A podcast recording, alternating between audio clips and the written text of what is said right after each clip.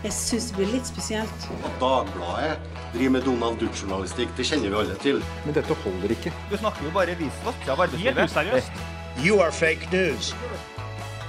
Go ahead. Da må vi snakke litt om nominasjonsmøtet i Iowa. Altså Her satt jeg oppe hele natten og sa til ingen nytte. Det kom jo ikke noen resultater i det hele tatt. Hva er det egentlig som skjer der borte, Hilde Restad?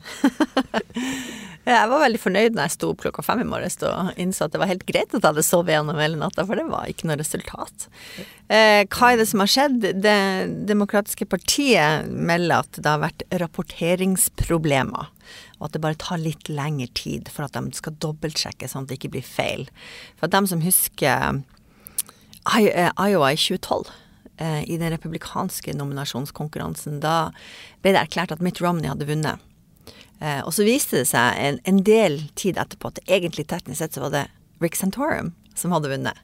Eh, og det er klart at det er Rick Santorum veldig bitter for, for at som vi husker så var det Romney som til slutt ble nominert av republikanerne. Sånn at um, Det demokratiske partiet er jo ønsker vel å unngå at de sier feil person, men samtidig så um, Og det skal vi jo snakke mer om, så betyr jo det her at Iowa på en måte Hele poenget med Iowa er nå borte.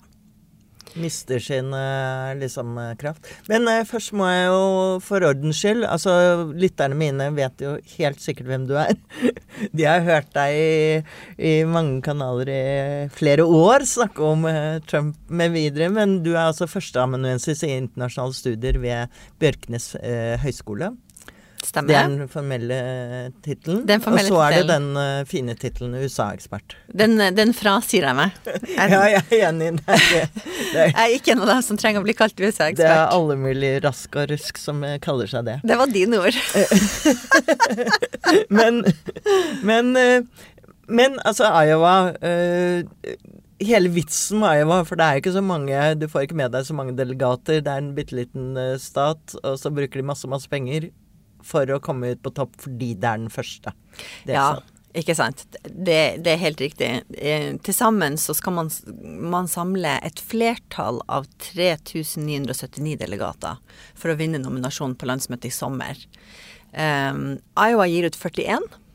Så det er ikke akkurat kampen om matten det står om i, i delstaten Iowa. Det er bare det at det er aller første gang at det er et faktisk resultat man har å forholde seg til. For nå har vi drevet og sett på meningsmålinger og stukket fingeren i lufta og sett hvilken vei vinden blåser i ganske lang tid. Og da, så det er fordi at man for første gang kan rapportere om faktiske velgere som har faktisk stemt. Og i dette feltet her så tenker jeg kanskje at det var ekstra store forventninger fordi at det er flere som ligger ganske tett.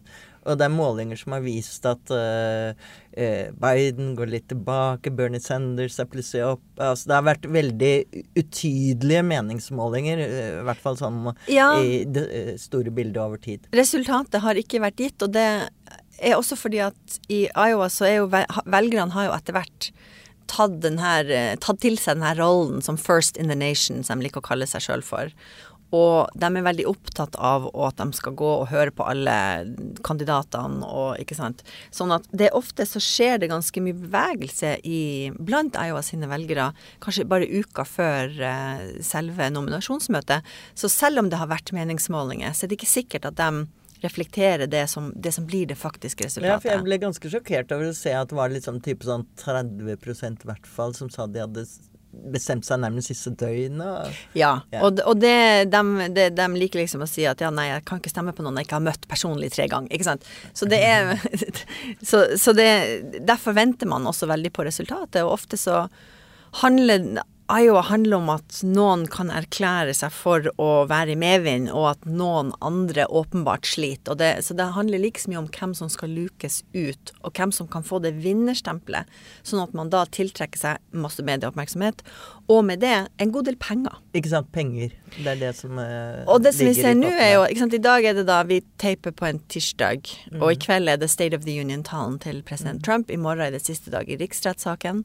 Eh, så plutselig, så når Iowa-resultatet nå en eller annen gang kommer eh, sigende inn, så er det på en måte Da er vi egentlig ferdig med det å se fremover til New Hampshire i neste uke. Det er litt for sent. Jeg skrev i dag Mm. morges en eh, kommentar om det at jeg mente at man nærmest måtte sette stryk, eh, strek og bare gå, gå videre. Det er New Hampshire som nå teller. Og ikke sant, fremtidige valgforskere kommer til å se litt på ok, hvilken effekt fikk det? Fordi at Iowa kan jo ha en effekt på dynamikken i racet, og, og ha effekt på hvem som på en måte må gi seg, og hvem som får en ekstra boost. Eh, og nå når eh, kanskje Iowa ikke har så mye effekt, så kan det eh, påvirke noen kandidater eh, mer enn andre. Jeg tenker kanskje særlig på Amy Klobuchar. Hvis, hvis, hvis kanskje eneste sjanse var Iowa. Eh, og hvis ikke det Hun hadde selvfølgelig håpet at hun skulle få en liten boost, og at hun skulle gjøre det sterkere der, bedre der enn man kanskje hadde forventa, og derigjennom få litt ekstra penger og klare å, å hangle videre til New Hampshire. Men hvis hun ikke klarer å komme mer enn femteplass, er det kanskje noen som snakker om, i nabostaten. Så da er så det nok over og ut uansett. Ja. Ja. Men hadde, om hun nå gjorde det bedre, så vet vi det jo ikke. For resultatet har ikke kommet. Det kommer vel til slutt, som Bernie Sanders sa. Men, men disse her, de er jo flinke til å drive og skryte av seg selv, og nærmest bortimot alle har erklært at de er vinnere. Og det er litt vanskelig for oss å sitte her og spekulere i det. Men det er jo begynner å skille seg ut uh, en gruppe som det liksom står mellom der. Det er Bernie Sanders, så er det Joe Biden selvfølgelig, og så henger kanskje Elizabeth Warren litt med, bedre med enn uh, folk uh, i mediene, sånn som meg. De har jo nærmest avskrevet henne fordi hun har falt i meningsmålingene over tid. Og så kom denne Mayor Pete. Mhm. Mayor Pete har for øvrig erklært seg vinner i Iowa. Ja, han har erklært seg som vinner. Eller victorious, som han kalte seg. Så man kan jo tolke det sånn som, det, sånn som man vil. Men eh, han har jo uansett mye tyder på at han har, har, eh, kan ha gjort det bra, og at han er der helt oppe blant de tre-fire øverste. Hvem hadde trodd det for en stund siden? Nei, men Det er det som er litt gøy, da. At det er mye bevegelse eh, blant kandidater. Og det, og det er selvfølgelig derfor vi følger med på og venter spent på Iowa, for å se hva, hvil, hvilken vei er, er, er Mayor Pete på vei opp, eller er han på vei til å gi seg? Ikke sant? Det, det, det er derfor vi, vi er så spent. Et spørsmål jeg bare må stille aller først, før vi skal gå over og snakke litt om dette mystiske electability, er at alle spør meg når, når de vet at jeg følger litt med i amerikansk politikk, sier de hvorfor er de så gamle? Ja, eh, det lurer jeg også litt grann på, for eh, egentlig så er jo ikke tradisjonen det. Altså Hvis vi husker Bill Clinton var ung og karismatisk, Obama var ung og karismatisk, George W. Bush var ikke så veldig gammel, han heller. Em, men så, i 2016, så hadde vi da Hillary Clinton og Bernie Sanders. Ingen av dem er unge, unge, Og så mot Don mot, mot Donald Trump, ikke sant. Så Donald Trump blir jo da 74 år, Bernie Sanders er 78, Joe Biden er vel 77, tror jeg. Elizabeth Warren er jo kjempeung og bare 70. Ikke sant? Og så har vi da Mayor Pete som er vel 38. Ja, så han er jo unggutten. Han kan vi ikke ta helt på alvor. Men han mer da i Obama- og Clinton-tradisjonen. Ja, Bill, Bill ikke sant? Clinton. Så Eh, det er, ja. men, men det er litt sånn tilfeldig med Det er litt tilfeldig, og, og nå skal, skal det også sies at um, det er klart at dem som eksempel Bernie Sanders, da, som jo er veldig gammel, og som hadde et hjerteinfarkt i høst. Og det kun, kunne man jo snakka mer om, kanskje. Eh, det er, jo en risiko.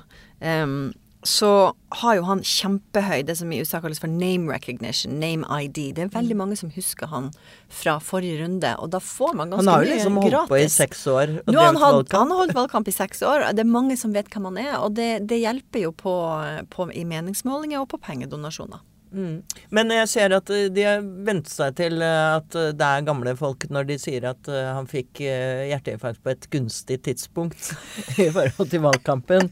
Så det er så, så da man liksom regner man med at dette kommer til å skje innimellom. Men apropos, apropos electability, ja, så Bernie Sanders hadde hjerteinfarkt og 78 år, og that's, that's all good. Men Hillary Clinton besvimte bitte litt en gang i 2016, og det var krise.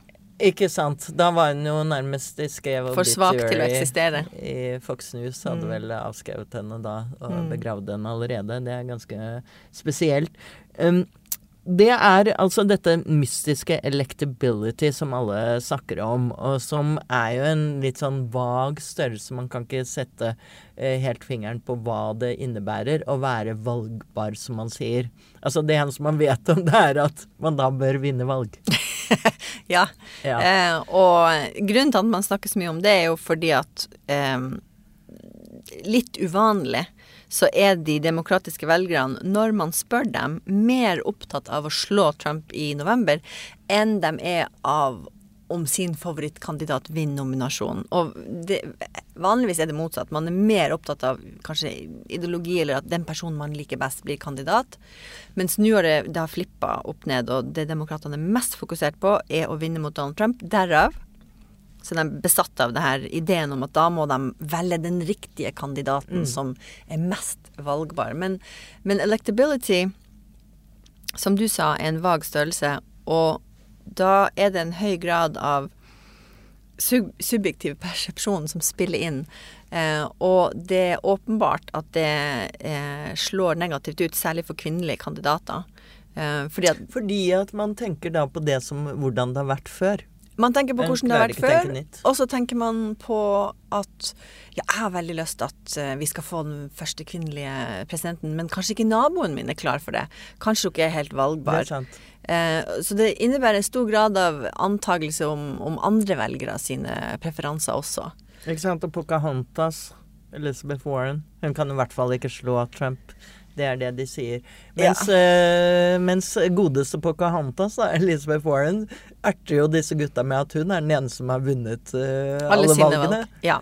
Det, det, og eh, man ser at det er et vanskelig tema for kvinnelige politikere å ta opp, og hun har unngått den tematikken i lang tid, men så ble det en sak ut av det før jul. Eh, fordi at hun hevda og hadde, hadde hatt et møte med Bernie Sanders for et år siden hvor han sa at han trodde ikke at en, en kvinnelig presidentkandidat kunne vinne. Eh, vi trenger ikke å gå inn på det, men etter det så har hun snakka mer direkte om det. Og da har hun brukt den statistikken, da, om at hun har vunnet alle sine valg, mens det er flere mannlige presidentkandidater som har tapt en rekke valg. Så hva betyr det egentlig å være electable? Og så, eh, så dermed så er det jo ekstremt fokus på Trump. Eh, Bernie Sanders snakker ikke så mye om Trump, men eh, jo, han snakker en del om Trump, han òg. Men Joe Biden snakker jo bare om Trump hele tiden, fordi at han sier at eh, han liker å påstå at eh, denne Ukra Ukraina-saken som ligger bak riksretten, som vi skal snakke om etterpå, den er eh, Dette skjedde for, fordi at Trump er redd for ham. Ja, og sånn sett så det er både en styrke og en svakhet tror jeg, for Joe Biden. Fordi at det er åpenbart at Trump er redd for Joe Biden. Det er en del av grunnen, det som førte til Ukraina-skandalen og riksrettssaken. Samtidig så tror jeg det er mange som er veldig var på hva som skjedde i 2016, og hvor nådeløs og skittent eh, Trump spiller, og hva han kan bruke mot sin motkandidat. Og hva han, hva han gjorde eh, med Hillary Clinton. Og når man da ser at det er Og det trenger nesten ikke å være en kime til sannhet engang. Men Trump vil bruke hva som helst. Sånn at man kan allerede på en måte se for seg, hvis, hvis Joe Biden blir presidentkandidaten, at det eneste vi kommer til å høre om i hele valgkampen mellom han og Trump, er Ukraina og Hunter Biden og korrupsjon og ditt og datt. Og man er jo allerede sliten bare å tenke på det. Jeg er i hvert fall det. Det er kanskje, Kanskje derfor at Biden sliter litt i, litt i målingen nå. Det er at alle ser for seg en evigvarende riksrett som går, eh, går frem til valget. Så blir det vel skittent uansett hvem som er motkandidat. Ja.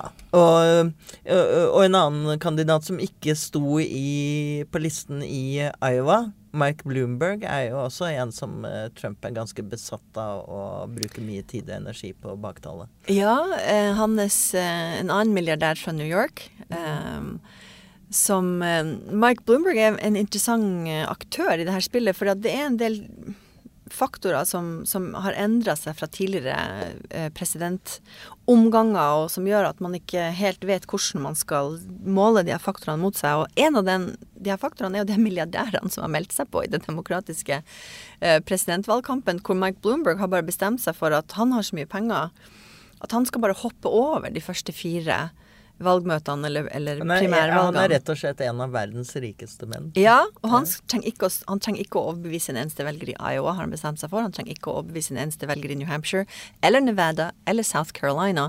Han skal bare stille opp på det som kalles for Super Tuesday, som er om en måned, når det er veldig mange delstater som har valg samtidig. Um, og frem til da så skal han heller enn å drive og, og, og vasse rundt i snøen i Iowa, så skal han kjøre på med masse TV-reklamer som han sjøl kan betale for. Og det er en Og annen som viser seg at han får som mye Trump recognition. ja, og som som Trump blir veldig Han lar Ja. seg lokke ut på det av Ja. det. ja, ja. Oi, en annen som er mye på TV. Jeg likte at Mike Bloomberg ble konfrontert med dette her at å, skal vi sitte der med to eh, milliardærer som liksom eh, skal kjempe mot hverandre i lekegrinden sin? Så sa han Who's the other billionaire? oh, Trumps svake ja, fordi eh, han mener jo at Trump skryter av formuen, formuen sin, da. Men det ville jo vært noe om det var to gamle hvite rikinger som sto mot hverandre i 2020. Oligarkivalget. Ikke sant. Men eh, her har du et annet stikkord som også er eh, et veldig Det demokratiske feltet var jo til å begynne med eh, litt sånn eh, mangfoldig og, og flerkulturelt, holdt på å si. Men nå er det helt hvitt igjen. Ja. Eh, helt hvitt, og, og, og de Vi hadde liksom Kamala kandidat- Harris, ja, vi hadde. Castro, vi hadde flere. Eh, og Booker og, Ja. og absolutt. Og, det har blitt eh, veldig hvitt, veldig mannlig, veldig, veldig eldre. de, de, alle de andre faller fra. Eh, og, og det er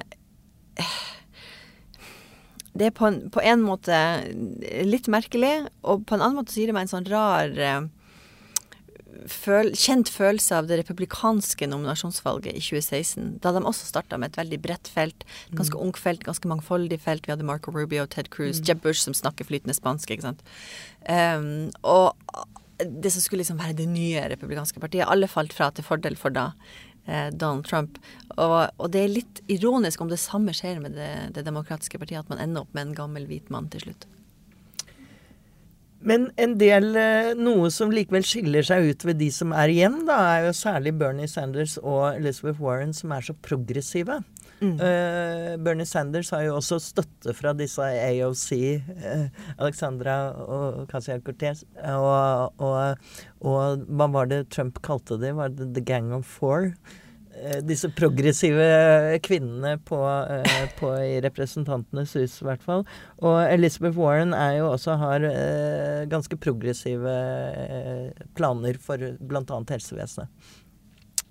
Hvordan har Hvorfor har Det demokratiske partiet liksom svingt så langt til venstre at det er blitt akseptabelt på så kort tid?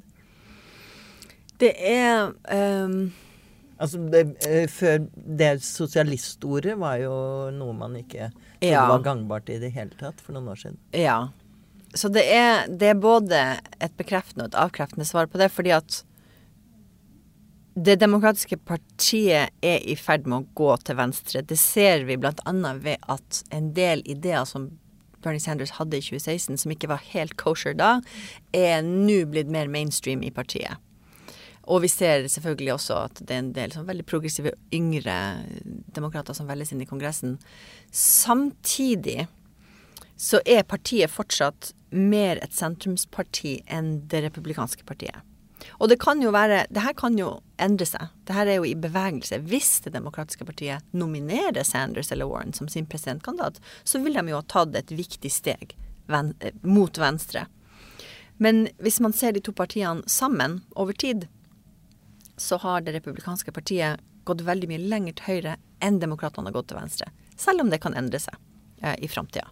Um, men som du sier, det er veldig viktig å ha med at um, på en måte de politiske sakene som det er akseptabelt å diskutere, de premissene der har nok Bernie Sanders vært med på å endre. Og sånn sett så har han jo ha- han har allerede hatt en stor påvirkning på det partiet han ikke er medlem av. Mm. om han blir nominert eller ikke. Mm. Eh, fordi eh, de som husker litt lengre tilbake, så begynte jo republikaneren med Newt Gingrich og sånn eh, på slutten av forrige århundre, og Tea Party-bevegelsen og dette her, og skjene langt ut til eh, ut til høyre. Eh, mens demokratene jo har stått, som du sier, litt i sentrum på stedet hvil. Ja, og det, det er en bevegelse som fakt, det går faktisk eh, enda lenger tilbake enn det. Det har egentlig å gjøre med eh, hvordan de partiene posisjonerte seg etter borgerrettighetsbevegelsen. Ja, det har vært en omsortering av velgere og politikere siden 50- og 60-tallet, hvor det demokratiske partiet har blitt mer mangfoldig eh, og mer opptatt av like rettigheter og stemmerettigheter. Og det republikanske partiet ble mer og mer konservativt og mer og mer hvitt. Eh, og det ser, det har vært en vel, ganske sånn saktegående eh, utvikling nesten over et halvt århundre eller mer er det kanskje. hvor, du, hvor effekten av det er at vi i dag har et republikansk parti som er veldig konservativt og veldig hvitt, og et demokratisk parti som er veldig mangfoldig. Og da snakker man til og appellerer til og identifiseres med veldig forskjellige grupper i samfunnet. Som kanskje ikke overlapper så veldig mye. Som, som gjør at du får en sånn farlig sammenslåing av både identitet og politikk. Som gjør at det blir vanskeligere og vanskeligere for de to sidene å i det hele tatt kunne snakke sammen. Men eh, likevel så snakker jo demokratene om at de skal lokke over eh, moderate republikanere, da, fordi at her skal vi over gli sakte og elegant over i riksrettproblematikken. Mm. At det republikanske partiet blir jo nå kalt bare Trumps parti. Er det det? Ja, det er helt fair. Um, fordi i 2015 og 2016 så var det helt åpenbart at det republikanske partiet ikke ønska at Trump skulle være deres kandidat. Uh, og det var stor motstand mot han i partieliten. Uh, men de så at han hadde en, en sånn nesten magisk appell til en viktig velgergruppe Eh, i partiet, og han fikk veldig mye entusiasme. Så de blokkerte ikke nominasjonen. Han fikk nominasjon, men ikke bare det. De stilte seg fullt og helt bak han. Og idet de gjorde det, eh, partieliten i Kongressen og, og eh, den nasjonale komiteen og alt det her, så måtte de på en måte stå ved alt han gjorde også. Da var det ikke sånn at man kunne drive og, og, og liksom undre seg og unnta ditt og unnta datt. Da måtte man kjøpe. De kjøpte Donald Trump. Um, hele pakka. Og det har de gjort nå i, i, i, tre og et halvt år, og det, det er på en måte for seint nå å si å nei, mm, vi er ikke enig i det og det, men nå har de stilt seg bak Donald Trump, og han har gjort så mye rart i mellomtida at de er rett og slett nødt til å stå ved det. Men, men igjen, jeg tror også de er det er nok mange i partiet som er enige med han og som er enig i hans politikk, men det er også tror jeg, mange som innser at hvis de ønsker å vinne gjenvalg, så kan de ikke få han mot seg. Og Donald Trump er jo ikke en person som overser kritikk, eller som lar folk være uenig med han. Hvis man sier noe imot han, så får man han, han mot seg. At han uh, viser at han kan uh, sette kraft bak uh, de ordene òg, fordi at da, ja. er du, da er du ute i kulda. Da er du ute i kulda, og Trumps velgere vender seg mot deg, og, og ikke minst den medieboble på høyresida av amerikansk politikk som snur seg mot det. Mm. så vi har jo sett hva som kan skje. Vi så jo det veldig morsomme som alle kunne vitne om da John Bolton kom med denne avsløringen sin. Eh, han har jo vært en, yndling, en yndlingsfigur for Fox News og for høyresiden. Veldig konservativ republikansk. konservativ republikansk hauk som har holdt på i, i årevis og alltid vært, eh, vært inne. Nå var han plutselig bare kastet rett til ulvene og ble, ble nærmest æreskjelt fra både Trump og Fox side. Ja. De snur ganske på femøringene. De gjør det, og det, der, det, er derfor en del eh, en, De få republikanerne som, som, ikke ville være med på Trump-toget, mm. eh, kaller det for en kult av det her at det er veldig sånn Stalin Nå bare viskes du ut av fotoet. nå er du ikke lenger med i gjengen. Og hvis man prøver å være kritisk, f.eks. Jeff Flake, som var senator fra Arizona, mm. eh, så ser man at man, man, ikke bare vinner man ikke gjenvalg, men man, man blir jo ikke renominert, for man blir utfordra fra Høyre, ikke sant. Så man bare gir seg. Man pensjonerer seg. Og dette er jo ganske sånn uh, skremmende å se, selv om det har vært polarisering over lengre tid, som vi var så vidt innover, så er jo den nå i en ekstrem grad. Og du ser folk som Mitch McConnell og Lindsey Graham og sånn, som nærmest er blitt Virker som om de er nå hjernevasket eller et eller annet. Joe Biden, som jo har vært uh, venn med Lindsey Graham eh, i mange tiår, sier jo nå at de nesten ikke er venner lenger. Ja, Jill Biden var på CNN her for noen dager siden og sa det at hun skjønte ikke helt hva som hadde skjedd med han. Mm. Eh, men det er vel, Trump er vel det som har skjedd. Eh, som har skjedd med hele partiet. Ja. Eh, og det, det Igjen det er, det er, vanskelig å vite om det er fordi at de, har, de på en måte er enig i alt det Trump sier og gjør, eller om de bare er redd for å, å tape gjenvalg. Men uansett så har det samme konsekvens. og det at det republikanske partiet i Kongressen ikke er noe sånn som kanskje det i utgangspunktet var tenkt, at Kongressen skal være en egen maktgren som skal kunne mm. balansere mot utøvende makt. Istedenfor så får du et uh, veldig lojalt parti som ikke holder sin egen president til ansvar. Under riksrett så har vi jo sett at demokratene bl.a. Uh, prøver å appellere nettopp til deres eget selvbilde ved å si f.eks. at historien kommer ikke til å være snille med dere. eh, husk hva som skjedde med de som sto ved Richard Nixon under Watergate litt for lenge. De, de, er ikke kommet pent ut av alle de filmene og bøkene som har vært skrevet etterpå. Men uh, den kortsiktige gevinsten er kanskje større. Den kortsiktige gevinsten er stor, og uh, i Watergate-perioden så hadde man ikke Fox News og Breitbart og hele mediebobla på høyresida som levde sin egen verden. Det er, det er, klart at Fox News, Nå ser du virkelig hvordan Fox News er en, en eh, politisk maskin uten like, og antagelig den mektigste mediemaskinen, sånn politiske innflytelse vi har sett. Som Roger Ailes hadde planlagt helt fra starten. Ikke sant.